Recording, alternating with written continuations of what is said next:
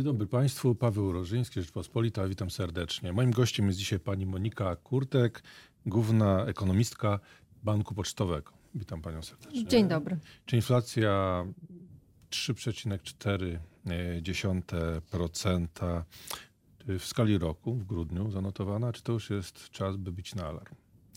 No, musimy powiedzieć, że ta inflacja na takim właśnie poziomie to jest e, inflacja najwyższa od października 2012 roku. Więc to jest e, kilka lat e, tak wysoko niewidzianego poziomu. Trzeba też powiedzieć o tym, że te oczekiwania, jeżeli chodzi o końcówkę 2019 roku, były niższe. Mm, one nie przekraczały 3%, a inflacja jednak okazała się sporo wyższa. No i teraz mm, pytanie, co będzie dalej, bo wygląda na to, że przez cały praktycznie 2019 rok mieliśmy takie bardzo stopniowe przyspieszanie e, wzrostu cen e, i nastąpiło jakieś gwałtowne przyspieszenie właśnie e, w końcu roku, które może być kontynuowane na początku roku 2020. To dojdziemy do tych 4%? Wydaje mi się, że jest to nieuniknione wręcz i, i styczeń to już będzie ten miesiąc, kiedy my zobaczymy inflację przynajmniej w okolicach 4%. Myślę, że to może być nawet wyżej. Z tego względu chociażby, że yy, mimo, że ta inflacja w grudniu wyskoczyła nam tak wysoko, to ona jednak jeszcze nie zawierała tych yy, podwyżek cen regulowanych, które z dniem 1 stycznia weszły w życie. Właśnie, bo to ciekawe, na ile, na ile to jest yy, stały już wzrost, tak? a na ile taki, nazwijmy sezonowy, bo w, w komentarzach, które często słyszymy, mówi się, a bo po prostu żywność mocno poszła w górę, zgadza się, no ale przecież mieliśmy przecież podwyżki cen prądu, E, jeszcze i dużo innych czynników, które powodują wzrost płac i tak dalej, to powodują jednak gwałtowny wzrost. Tak, to jest kilka czynników, które złożyło się jakby w jednym czasie, chociaż niektóre trwały już jakby w ciągu 2019 roku, a mimo to jakoś nie wypływały nam tej inflacji. E, jeżeli chodzi o ceny żywności, to żywność drożeje ogólnie rzecz biorąc na całym świecie. Indeks V pokazuje poziomy najwyższe też od wielu, wielu miesięcy. I nie wiemy, jaki będzie rok, e, ten, który się rozpoczął, bo tutaj mm, na razie mamy bardzo łagodną zimę, ale nie wiadomo, czy w którymś momencie nie przyjdą przymrozki na przykład, które prawda, spowodują znowu jakieś straty e, w sadownictwie, załóżmy, czy mm, w uprawie warzyw.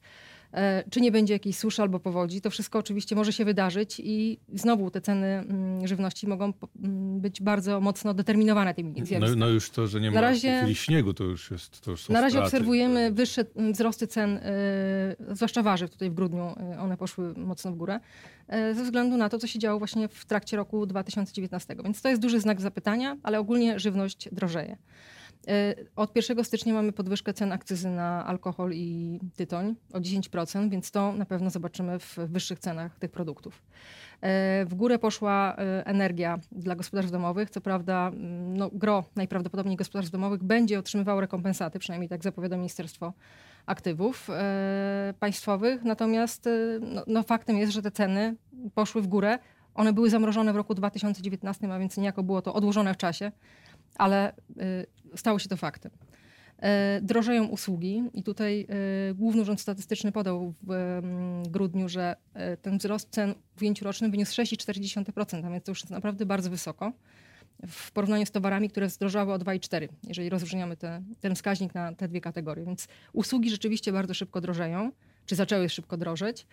No, natomiast wpływ również z wyższymi cenami energii dla firm, z podwyżką płacy. E, przypomnijmy, że płace w trakcie 2019 roku rosły jakby naturalnie, z tego względu, że e, ograniczenia rynku pracy to powodowały i wymuszały, ale od stycznia o 15,6% poszła w górę płaca minimalna i to również powoduje koszty dla firm, więc one siłą rzeczy zaczęły to wreszcie przerzucać czyli, na swoje usługi i produkty. Czyli oznacza to, że no, nie mamy do czynienia z, tak jak do tej pory, sezonowym jakimś skokiem e, inflacji, który tam później, nie wiem, później gwałtownie spadnie. Mhm. Dużo jest czynników takich pozasezonowych, jak, jak, jak chociażby żywność, prawda? Tutaj. Tak, tych czynników jest dużo, chociaż też trzeba podkreślić, że mamy pewne efekty statystyczne i one częściowo też się do tego e, wyskoku e, przyczyniają, zwłaszcza właśnie będzie się to działo w styczniu, lutym i marcu, bo ta baza odniesienia tak zwana z roku 2019 w tych miesiącach jest bardzo niska i to powoduje właśnie ten wyskok.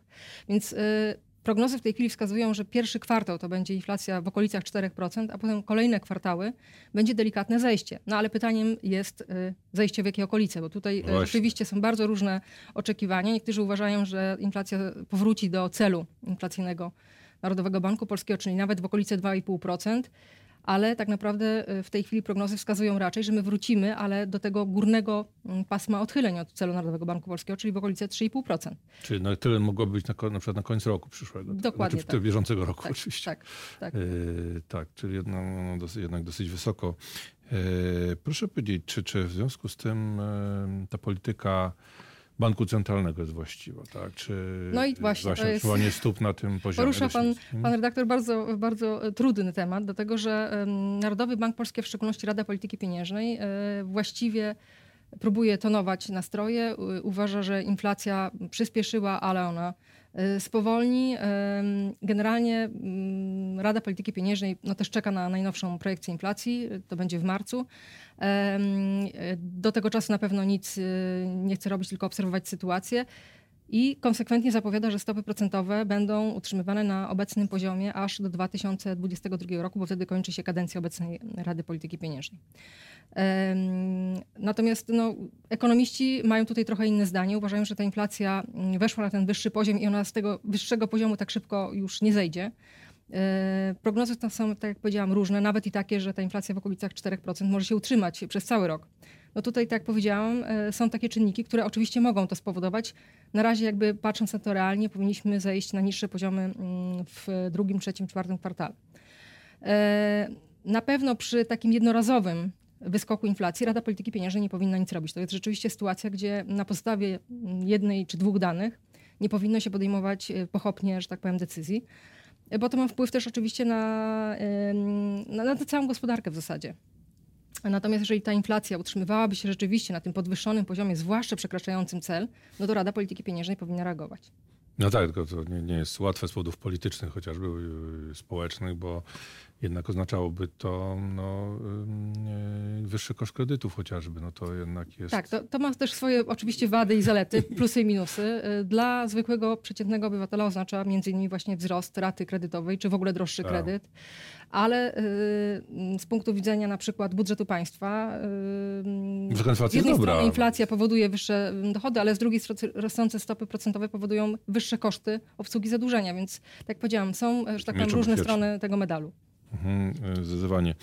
Proszę powiedzieć, jeśli chodzi o mm, e, prognozy gospodarcze, mm, e, wzrost PKB, e, to miniony rok, znaczy bieżący rok będzie zbliżony do roku ubiegłego, czy czeka nas, jak, jak tak zapowiada wielu ekonomistów, spowolnienie gospodarcze. No i tutaj też prognozy są bardzo różne, może dlatego, że właśnie stoimy tak naprawdę na, na progu tego, e, tego nowego roku i przeglądałam ostatnio prognozy też e, z roku 2019. Tutaj też mieliśmy taką sytuację, że te oczekiwania były dużo, dużo bardziej pesymistyczne. E, w zasadzie nie było prognoz prawie mówiących o tym, że na przykład gospodarka może wzrosnąć o 4%, a w trakcie roku okazało się, że trzeba te prognozy rewidować w górę. Ostatecznie prawdopodobnie ten wzrost wyniósł w 2019 roku, to się dowiemy na koniec stycznia, 4,2%. E, więc nieźle. Ale niżej niż w 2018, gdzie było 5,1. No i teraz wszystko wskazuje na to, że rok 2020 to będzie dalsze stopniowe hamowanie. E, I tak jak powiedziałam, prognozy są różne. Są ekonomiści, którzy e, przewidują, że to będzie w okolicach 2,5% na przykład. E, tak, pan Jan Rządkowiak.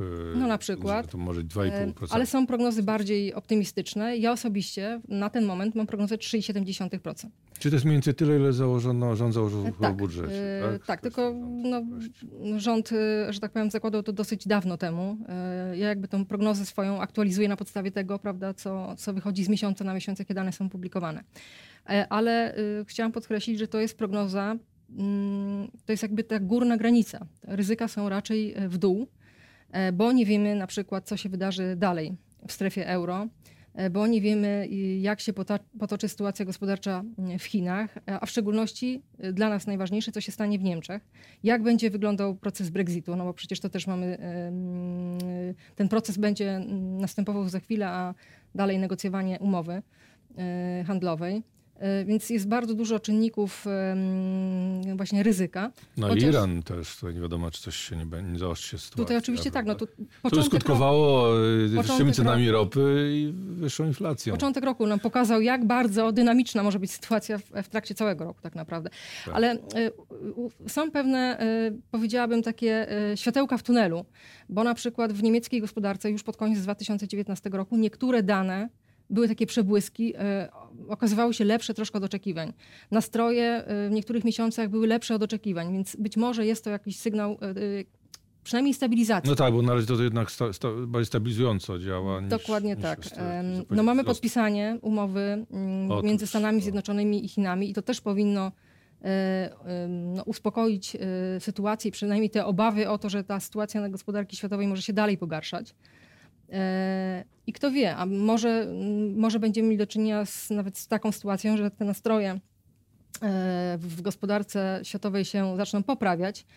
I uwzględniając też to, co zrobiły już banki centralne, główne banki centralne na świecie w 2019 roku, czyli mam na myśli Fed i Europejski Bank Centralny, ta sytuacja gospodarcza może nawet w drugiej połowie roku gdzieś tam zacznie się poprawiać. Więc to by miało oczywiście też bardzo duży wpływ e, na nas, no bo mamy silny popyt wewnętrzny, przynajmniej mieliśmy do tej pory, ale e, dane dotyczące chociażby eksportu pokazują, że y, tutaj Polska mimo tego spowolnienia dotychczasowego radziła sobie świetnie, czyli zakładam, że jeżeli sytuacja w gospodarce światowej by się poprawiała, to nawet możemy mieć jeszcze lepszą sytuację. Jak pani sądzi, jak, jak, y, jakie mogą być wyniki PKB w kolejnych latach? W roku, no, może zacznijmy roku 2020, tak? To tak jak powiedziałam, Czy wydaje mi się, że jest- 3,7% czy- czy jest, to jest, to jest tak, osiągalne. 3,7, y, 2021-2022, czy to no, będzie... Tutaj e, trend jakby wskazuje, że te dynamiki powinny być jeszcze niższe, czyli gdzieś w okolicach powiedzmy 3,3 mm, w 2021, może już poniżej 3% w roku 2022, ale tak jak powiedziałam, e, to są naprawdę w tej chwili jest ty, tyle różnych czynników, które może e, mieć wpływ na te prognozy w, w przyszłości, że to nawet trudno oceniać. Tak jak powiedziałam, jeżeli by sytuacja w gospodarce światowej ustabilizowała się w roku tym, a w kolejnych latach na przykład ta gospodarka by się zaczęła się trochę odbijać, to wcale nie musimy mieć jakiegoś dużego mm, spowolnienia e, w gospodarce. Bo ciągnie cały czas nas, nas handel zagraniczny rzeczywiście. Teraz to rekordowo wysokie saldo.